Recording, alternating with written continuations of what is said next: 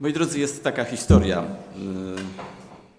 o pewnym cadyku, darujcie, nie pomnę imienia, który oczywiście jak każdy cadyk miał grono swoich y, uczniów i pewnego dnia jeden z tych uczniów zapytał go, rabi, czemu syn Isajego nie przyszedł ani wczoraj, ani dziś na wieczerze? To oczywiście było nawiązanie do pewnego tekstu, który my znajdujemy w pierwszej księdze Samuelowej, tam w historii Saula i Dawida, kiedy, kiedy to pytanie się pojawia właśnie, dlaczego Dawida tutaj nie ma. Oczywiście Dawid jako syn Isajego, no to jest tym wzorem Mesjasza. I to pytanie zostało zadane oczywiście już w tym szerszym aspekcie. Dlaczego jeszcze Mesjasza nie ma z nami? Dlaczego syn Isajego nie przyszedł ani wczoraj, ani dziś na wieczerze? My to pytanie powtarzamy często. Jesteście ciekawi odpowiedzi pewnie. Rabin spuentował to bardzo prosto. Powiedział, ponieważ dzisiaj jesteśmy tacy, jakimi byliśmy wczoraj. To jest całkiem dobra odpowiedź. My ją tak naprawdę powtarzamy, ilekroć pojawia się ta kwestia, dlaczego Chrystus jeszcze nie powraca. Wymieniamy wtedy zazwyczaj dwa elementy. Pierwszy to sprawa ewangelizacji, a więc pewne zapóźnienia, zaniedbania misyjne. I mówimy, to jest jeden z podstawowych problemów. My musimy nareszcie dotrzeć do każdego człowieka. No i niektórzy wyobrażają to sobie bardzo dosłownie. A więc w taki sposób, że każdy adwentysta będzie musiał dotrzeć do określonej ilości ludzi i bezpośrednio im powiedzieć o sobocie. I wtedy będzie misja wypełniona. Tak też jesteście tego zdania? Rozumiem, nikt nie ma odwagi. To ja powiem, że nie, że wcale tak nie uważam. Ponieważ misja po pierwsze jest Bożym dziełem. To Bóg realizuje, a my jesteśmy zaproszeni tylko do radosnego udziału w tym. To jest tak jak y, małe dziecko, prawda? Wraca mama z dzieciakiem takim tam dwu, trzyletnim powiedzmy, prawda? Z zakupów. Tu jedna tasia duża, druga z zakupami, prawda? I mówi, no chodź Michałku, idziemy. Mamo, to ja ci pomogę. Dobrze. I jak się uczepił z tej siatki, to matka aż przegięło w jedną stronę, prawda? Ale dobra, pomaga, idą razem. No i kiedy przychodzą do domu, to mówi, mamo, pomogłem ci, prawda? Ale oczywiście, że mi pomogłeś. No to my też tak czasem pomagamy Panu Bogu. Poprzednio, w poprzedniej części była przywoływana historia, hmm, historia Filipa między innymi. Czy zauważyliście, moi drodzy, jak ta historia się kończy? To jest bardzo ciekawe. Kiedy już chrzest został dokonany, to my czytamy, że duch porwał Filipa. A dlaczegoż to porwał? Przecież wcześniej przemawiał i Filip słuchał, prawda? To, to człowiek subordynowany. I co duch mu powiedział? Przyłącz się do tego wozu? Przyłączył się do tego wozu. A to nie było problemu. A teraz siłą został oderwany od człowieka. A dlaczego? I przeniesiony w zupełnie inne miejsce. A no bo to był dobry zborownik, Filip. I on wiedział, że jak praca misyjna jest rozpoczęta, to ma być kontynuowana. Nie wolno tak tego człowieka, który jedzie tam daleko do Etiopii, zostawić. Jego teraz trzeba po chrzcie dalej uczyć. To było słuszne. Oczywiście, że tak, trzeba dalej uczyć. Ale Bóg często działa niekonwencjonalnie. Bóg ma i swoje sposoby docierania do ludzi, i swoje sposoby wychowywania do ludzi. I widocznie doszedł Bóg do wniosku, że, że Filip mógłby spaprać mu robotę i dlatego go od misji odłączył. Przynajmniej od misji względem tego człowieka. Moi drodzy, warto to, o tych sprawach czasem pamiętać, ponieważ yy, te nawoływania do tego, żeby koniecznie do każdego domu i tak dalej, każdemu człowiekowi powiedzieć, tak naprawdę na wielu działają frustrująco.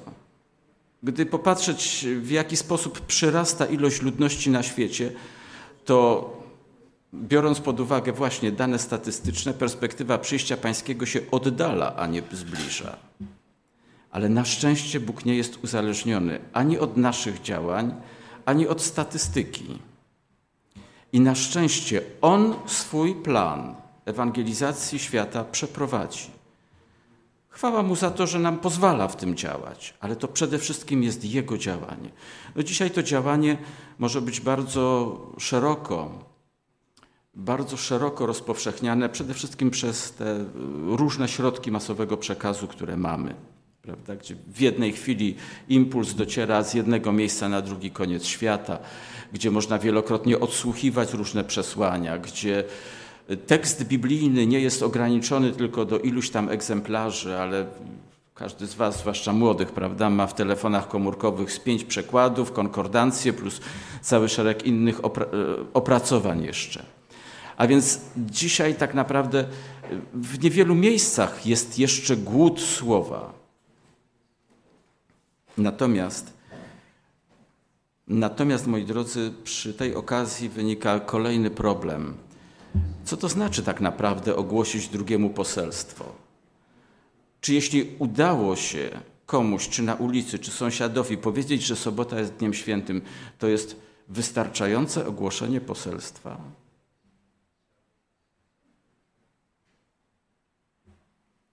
Moi drodzy, to prawda, że czasem Bóg czyni coś z niczego, że czasem z jednego elementu potrafi ukształtować wiarę człowieka. Gdy patrzymy na historię opowiedzianą w Ewangelii o tej kobiecie kananejskiej, która wołała Jezusa tym hebrajskim określeniem, synu Dawida, prawda? Zmiłuj się nade mną, ratuj moje dziecko.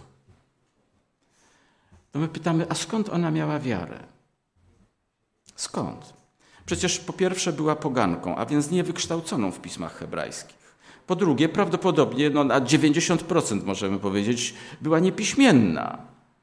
Więc tym bardziej tekstu biblijnego nie znała.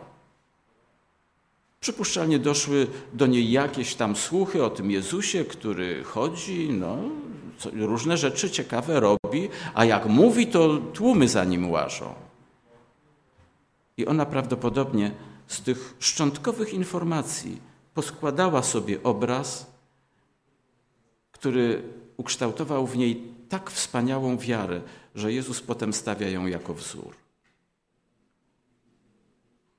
Przypominam sobie relację jednego z naszych braci, już nieżyjących. Niektórzy może pamiętają, brata e, Bobeszkę, który wychodząc z domu jako bardzo młody człowiek, jeszcze dziecko, bo no, tak się okoliczności ułożyły, że musiał opuścić dom. Za całe wyposażenie na dalszą drogę otrzymał od matki przekonanie: Synu, zrób wszystko, żeby zdobyć Biblię i pamiętaj, że Jezus niedługo powraca. Ta kobieta była analfabetką. Skąd ona to wzięła? No, było tylko jedno źródło. To te trzykrotne czytania fragmentów tekstu biblijnego w czasie mszy. To była wierząca kobieta, katoliczka, ona pilnie chodziła do kościoła. I tylko z tych krótkich czytań, nawet nie całości Biblii, tylko pewnych fragmentów, ona powzięła przekonanie, że Biblia to jest rzecz, która stanowi obiekt największego pożądania dla człowieka wierzącego i że Jezus naprawdę powraca. I z tymi informacjami, z niczym innym wypuściła to dziecko w świat. Wyrósł z tego kaznodzieja. Bóg potrafi z drobiazgów, naprawdę z drobiazgów uczynić wielkie rzeczy. I dlatego y, nie bójmy się. Bóg zdąży. To data przyjścia Pan, Pana Jezusa jest postanowiona. Przecież Bóg wie, On nie jest niczym zaskakiwany. I ta data się zbliża. Jesteśmy każdego dnia coraz bliżej tego. I Bóg ze wszystkim zdąży. Druga kwestia, która spędza sens powiek przeciętnemu adwentyście dnia siódmego, to jest kwestia uświęcenia. Prawda? Czy ja zdążę? Czy ja zdążę być właściwie uświęcony przed powtórnym przyjściem Pana Jezusa? No ale co to znaczy być powtórnie uświęconym? No bracie, to znaczy być takim bez skazy i zmarszczki. Aha, bez skazy i zmarszczki. Co to znaczy w praktyce? No to znaczy być idealnym. To znaczy jakim? I kto będzie o tym orzekał, czy ty jesteś idealny, czy nie? Może Rada Zboru się zbierze któregoś dnia i powie, no dzisiaj robimy analizę członków zboru, kto jest już idealny, a kto nie. I to wcale nie chodzi o grzeszenie, bo to grzeszenie to jeszcze pół biedy. Jest powiedziane, przykazania Jego nie są uciążliwe, więc to nie jest tak trudno nie grzeszyć z drugiej strony, jak to, jak to się przedstawia często. To nie jest tak trudno. Ale bez tej skazy i zmarszczki, prawda? A co to są te skazy i zmarszczki? No to są pewnego rodzaju niedoskonałości. No na przykład ktoś jest porywczy.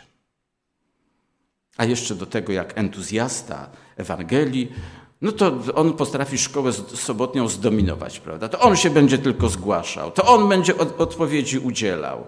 To jest wkurzające nawet, prawda? Ta, takie osobniki są wkurzające. Czy to jest grzech?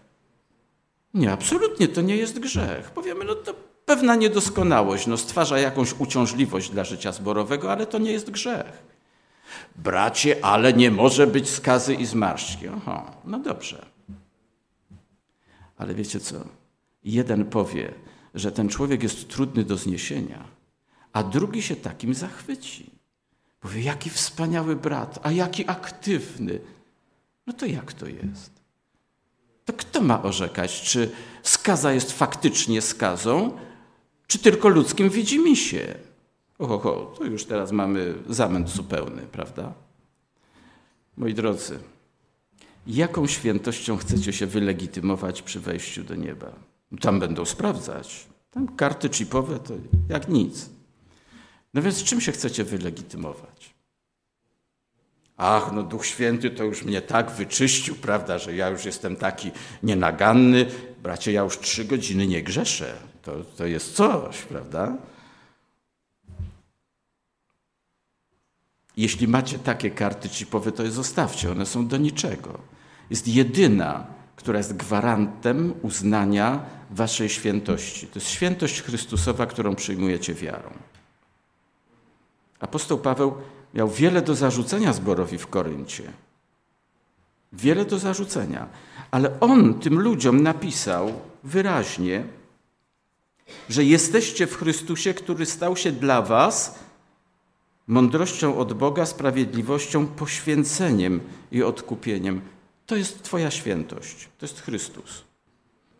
I ilekroć wstajesz rano i deklarujesz, że wciąż chcesz żyć po Bożemu i że wciąż Jezus jest Twoim idolem, to masz Jego świętość przypisaną. Oczywiście nie taką faktyczną. No.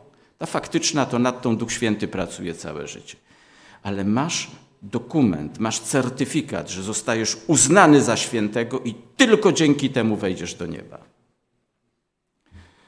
O, powiecie, pojawiają się inne problemy.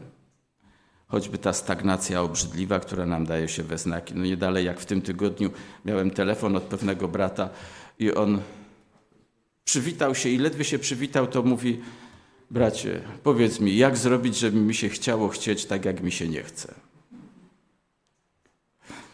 No i no co powiedzielibyście? Jak to można zrobić? A w ogóle czy można? No oczywiście, że można. Jeśli my czytamy, że Bóg daje chcenie i skuteczne wykonanie, to my wiemy, gdzie sięgnąć po to chcenie, prawda? I zawsze można przyjść do Boga i powiedzieć: Panie Boże, wiesz co, dzisiaj to nawet mi się gadać z Tobą nie chce. Nie, no jestem w takim stanie, że klękajcie narody. Zrób coś ze mną. Zrób coś ze mną. Modliliście się tak kiedyś? Jak nie, to spróbujcie. Naprawdę będą się działy cuda. Bóg odpowie na taką modlitwę. Tak jak odpowiada wtedy, kiedy, o załóżmy, są jakieś antagonizmy i wydaje się, że to nie daje się z tym nic zrobić.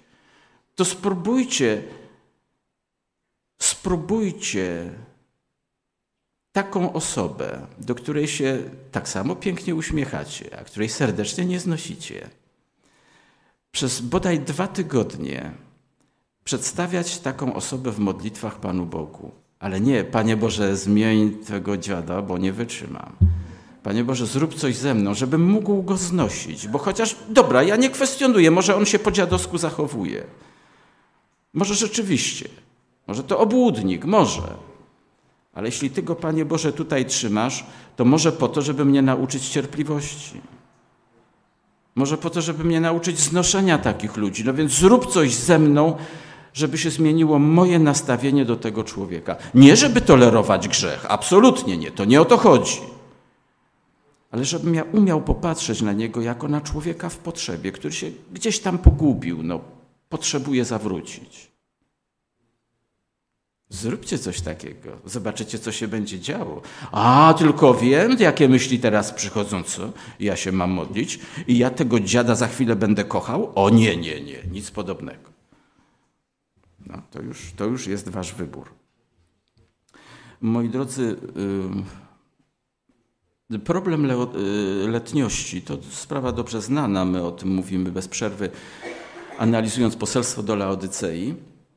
Nawiasem mówiąc, zapominamy przy tym, że poselstwo do Laodycei ogólnie charakteryzuje okres końcowego Kościoła. Natomiast to wcale nie znaczy, że każdy jest Laodycejczykiem. Prawda? To, jest tylko ogólna charakterystyka. Tak jak w okresie smyrneńskim czy w okresie e, filadelfijskim nie wszyscy byli idealni, tak teraz nie wszyscy są Laodycejczykami.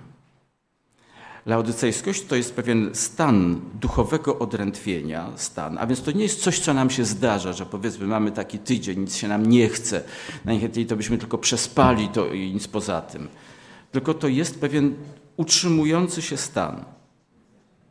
No i teraz, i teraz jest pytanie, jakie lekarstwo? Moi drodzy, lekarstwo jest wyraźnie przepisane. Chciałbym zwrócić Waszą uwagę na to, że to lekarstwo do Laodycei tak naprawdę mówi o konieczności nawrócenia się. O konieczności nawrócenia. Bóg nie potępia człowieka za to, że jest na przykład zmęczony i, i nic mu się nie chce i marzy tylko o tym, żeby odpocząć. Bracie, literaturę i, do, do, i po domach. Nie, nie. Bóg tak do tego nie podchodzi. Ale, ale mówi wyraźnie, Y, trzy elementy są podane Laodycei jako terapia. Jaki jest pierwszy? No. A, to już się nawet nie chce pamiętać o tym, tak? Złoto w ogniu wypróbowane, tak? A to złoto to co? Wiara, tak. Wiara w ogniu wypróbowana, prawda? Moi drodzy, my nauczyliśmy się dzisiaj skutecznie gasić ogień doświadczeń. Potrafimy to robić.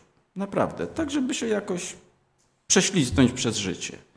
A Bóg zaprasza do zderzenia, naprawdę do zderzenia z życiem. Młodzież dzisiaj często narzeka, że w kościele jest nudno, że nie ma atrakcji. Ale to jest nieprawda. Nudno jest tylko temu, kto prowadzi niechrześcijańskie życie ale spróbuj żyć na co dzień, jak Pan Bóg przykazał. To będziesz miał taki wicher, że naprawdę nie będzie mowy o nudzie. Prosty przykład. Prosty przykład. Jest przerwa w pracy. Wyciągasz śniadanie, obojętne pierwsze, drugie, trzecie, nie ma znaczenia. Wyciągasz. Co robisz? No jak to co? No to co każdy adwentysta robi, modlisz się, prawda? Więc mówisz, dziękuję Ci Panie Boże za ten pokarm, pobłogosław go proszę. Tak robisz? Czy może się odwracasz? Albo powiesz, no, w myślach się pomodlę tylko i to tak, żeby nikt nie widział, to nawet nie będę oczu zamykał, tylko to... A dlaczego nie zrobić z tego pewnej manifestacji? A no bo to trzeba się narazić wtedy. Prawda? Bo będą pytania, ty, a co ty robisz? Ty głupi jesteś? A no tak, a trzeba się narazić. Idziesz ulicą i słyszysz potoki wulgaryzmów. Ile razy interweniujesz? Bracie, to jeszcze mi po dziobie dadzą. Być może, nie wiem. Nie wiem, ja też nie zawsze interweniuję, ale czasem tak. Czasem tak. No i reakcje bywają różne. Czasem nie słuchają, czasem im się robi głupio, ale powiem Wam szczerze, że jeszcze nikt mnie nie uderzył. A wystarczy po prostu. To tak jak pamiętam, kiedyś podchodzę do takich dziewcząt na, na przystanku i mówię, słuchajcie, wy macie takie śliczne buzie. Jak to jest możliwe, że z takich ślicznych buzi taki gnój wychodzi? Ja nie powiedziałem gnój. No. Ale już mówię tak, żeby dotarło mocniej. To jak to jest możliwe? No żywcem wziąłem przykład z listu Jakuba, prawda? Bo tam jest podobna wypowiedź. I mi się zrobiło głupio, nawet się zaczerwieniły. No coś dotarło. Ja nie mówię, że to była rewolucja w ich życiu. Nie, nie wiem. Ale moi drodzy, mamy tych okazji najrozmaitszych wokół siebie dość, żeby zamanifestować swoje chrześcijańskie życie, żeby to złoto stało się naprawdę w ogniu wypróbowane. Tylko my wtedy na, na ogół robimy uniki. Drugi element, to jaki był lekarstwa do Laodycei? Proszę, szata, tak jest. Tak jest, szata biała. A co to jest ta szata biała? Sprawiedliwość Chrystusa, oczywiście, to jest to, o czym mówiliśmy. Bardzo się będę radował z Pana, weselić się będzie moja dusza z mojego Boga, gdyż oblógł mnie w szaty zbawienia i obleka codziennie i chce oblekać i chce, żebyśmy w tej Chrystusowej szacie chodzili. Czy to jest naprawdę naszym pragnieniem? Czy mówimy raczej, to niech ta szata sobie powisi tak spokojnie w szafie, ja na co dzień to będę chodził w swoich ciuchach, a na sobotę to ja ją tu założę, żeby się nikt nie czepiał. Moi drodzy, czy macie świadomość, czy macie świadomość, kim jesteście? Bo dzisiejszy świat mówi, że człowiek jest wszystkim, że życie człowieka jest ponad wszystko. To jest nieprawda. To jest nieprawda. To jest humanizm, który jest zaprzeczeniem chrześcijaństwa, ale to jest materiał na inne rozważanie. Czy ty, bracie, siostro, pamiętasz, kim jesteś? Kim jesteś? Jesteś garstką popiołu Jesteś garstką popiołu, którą Bóg ukształtował jako człowieka z miłości swojej wielkiej. Jeśli o tym pamiętasz, to nigdy nie przyjdzie ci do głowy w jakikolwiek sposób się wynosić i powiedzieć, że no to zbawienie to tak naprawdę ci się nie należy, bo ty jesteś fajny facet, ty jesteś gryfnodziążka, jak to mówią w pewnym regionie. Nigdy tego nie powiesz. Powiesz zawsze, Panie Boże, jestem ostatni z ostatnich, jestem niewart jednej Twojej myśli, bo chociaż moje życie może być poukładane na zewnątrz, bardzo dobrze poukładane, ale to, co ja mam tutaj w głowie, ojojoj, ojojoj, jedyna nadzieja w Tobie. W nikim i w niczym innym, tylko w Tobie.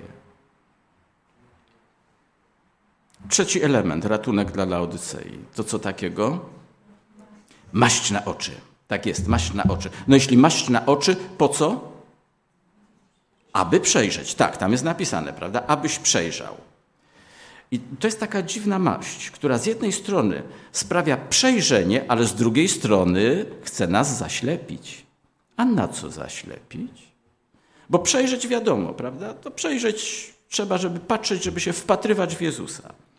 Ale jeśli chodzi o zamknięcie oczu, to na co? Proszę? Siostra mówiła.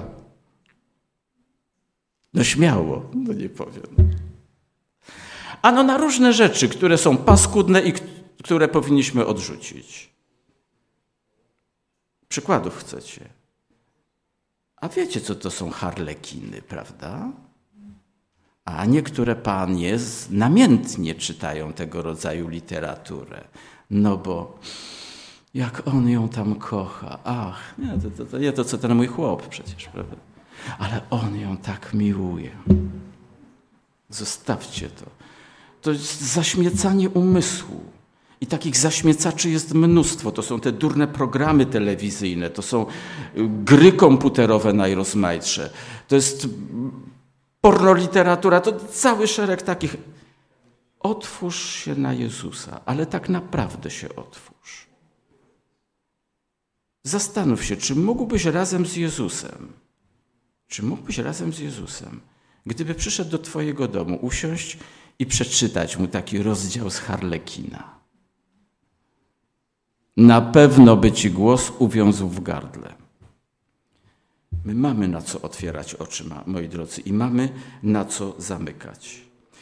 Y, szesnasty rozdział Księgi Dziejów Apostolskich i to zdarzenie, wiem, że znacie je dobrze, nie będę odczytywał. Paweł z Sylasem trafiają do więzienia w Filipi. Do więzienia w Filipi.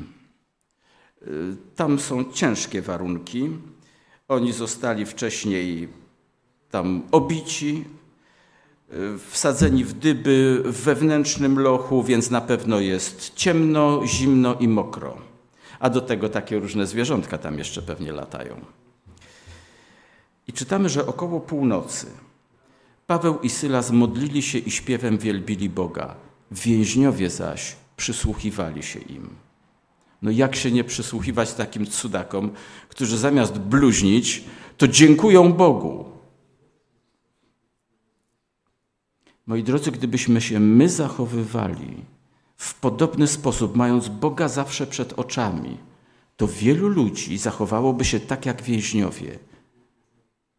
Ucichłyby bluźnierstwa, a uszy by się nadstawiły. A dlaczego oni tak się zachowują? I wtedy czytamy, nagle powstało wielkie trzęsienie ziemi, także się zachwiały fundamenty więzienia i natychmiast otworzyły się wszystkie drzwi, a więzy wszystkich się rozwiązały. To rzeczywiście dziwne więz, y, trzęsienie, które rozwiązuje pęta, prawda? No, ale to od razu widać, kto za tym, więzie, y, kto za tym trzęsieniem stoi. A gdy się przebudził stróż więzienny i ujrzał otwarte drzwi więzienia, dobył miecza i chciał się zabić, sądząc, że więźniowie uciekli.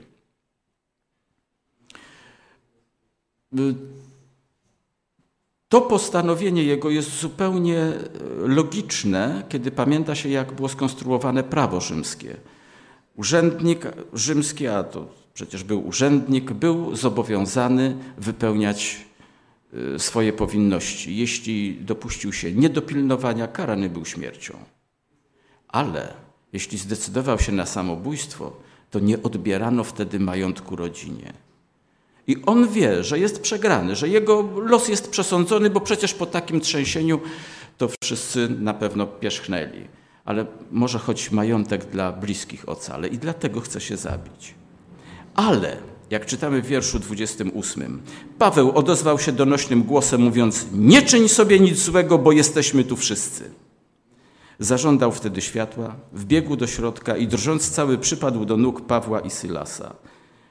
I wyprowadziwszy ich na zewnątrz, rzekł: Panowie, co mam czynić, abym był zbawiony? I tu padają potem proste słowa, które są przepisem na zbawienie. Moi drodzy, ja nie chcę zastanawiać się nad stróżem, ale chcę się zastanowić przez chwilę nad tymi, którzy nie uciekli.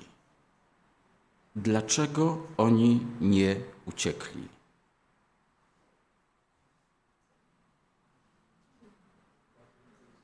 bo oni zrozumieli, że prawdziwe więzienie to nie są mury i kraty. Prawdziwe więzienie to jest to, co my mamy tu. Czyli ten potencjał grzechu, bo każdy z nas jest grzesznikiem z urodzenia. I każdy z nas ma grzeszną naturę i z taką przyszedł na świat. I z tą naturą będzie musiał czekać do przyjścia Chrystusa. Ale wtedy Jezus powracający przemieni to, tak jak czytaliśmy na początku z listu do Filipian. Ci ludzie to zrozumieli. I oni powiedzieli: No co z tego, że uciekniemy? To dodamy kolejne przestępstwo do tych, które popełniliśmy. I do kogo uciekniemy? Skoro tutaj są ludzie, którzy mówią nam o tym prawdziwym Bogu, który tak nas umiłował, że syna swego dał, to gdzie indziej znajdziemy tak wspaniałą wiadomość? To my tu zostajemy i koniec. I popatrzcie, można w takiej sytuacji, która wydaje się no, ewidentna, jeśli chodzi o następstwa, że oni na pewno uciekli, tak się wydawało temu człowiekowi biednemu. Można poprzez zwiastowanie Ewangelii sprawić, że człowiek zaczyna się zachowywać zupełnie nielogicznie, ale w jak błogosławiony sposób.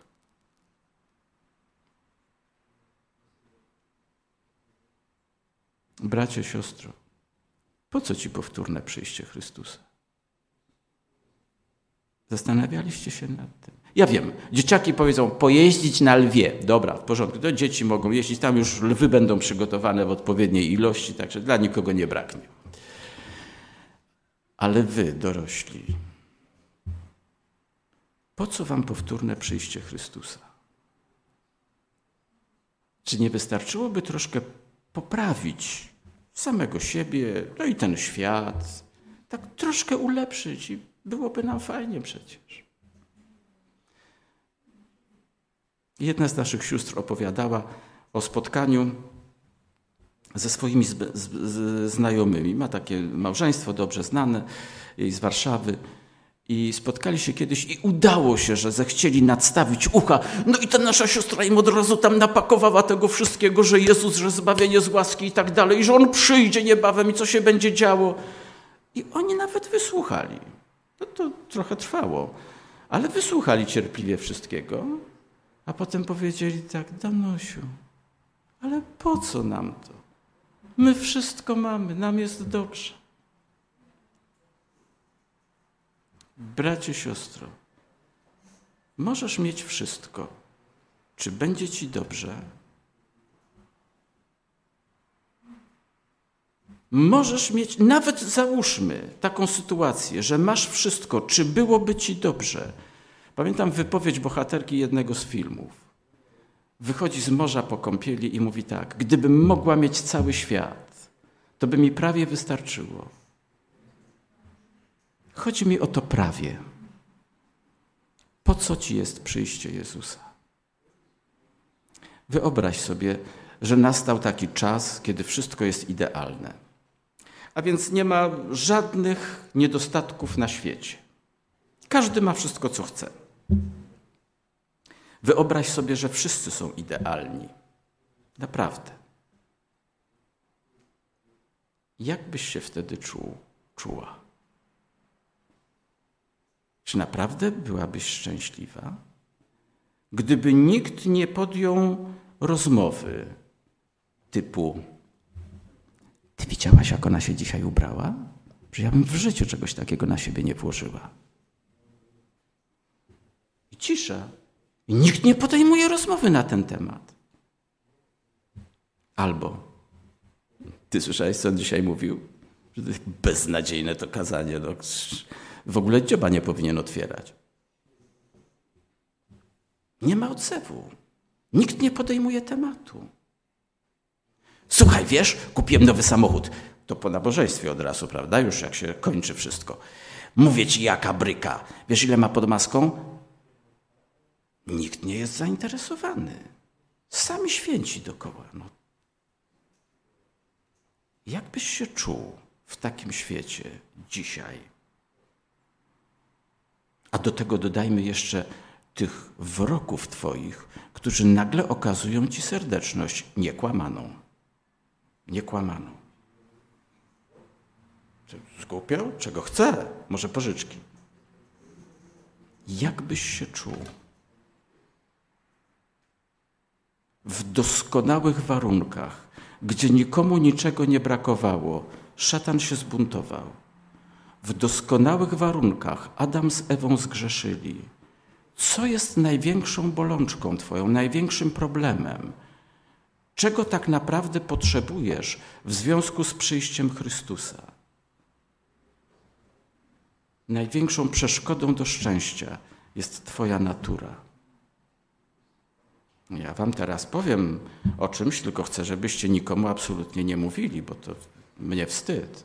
Więc to zostaje między nami tu w zborze łódzkim. Moi drodzy, nosimy w sobie potencjał zła, jakiego tak naprawdę nie jesteśmy świadomi. Ale nosimy. I to jest jak tykająca bomba zegarowa. Nie wiemy, kiedy wybuchnie.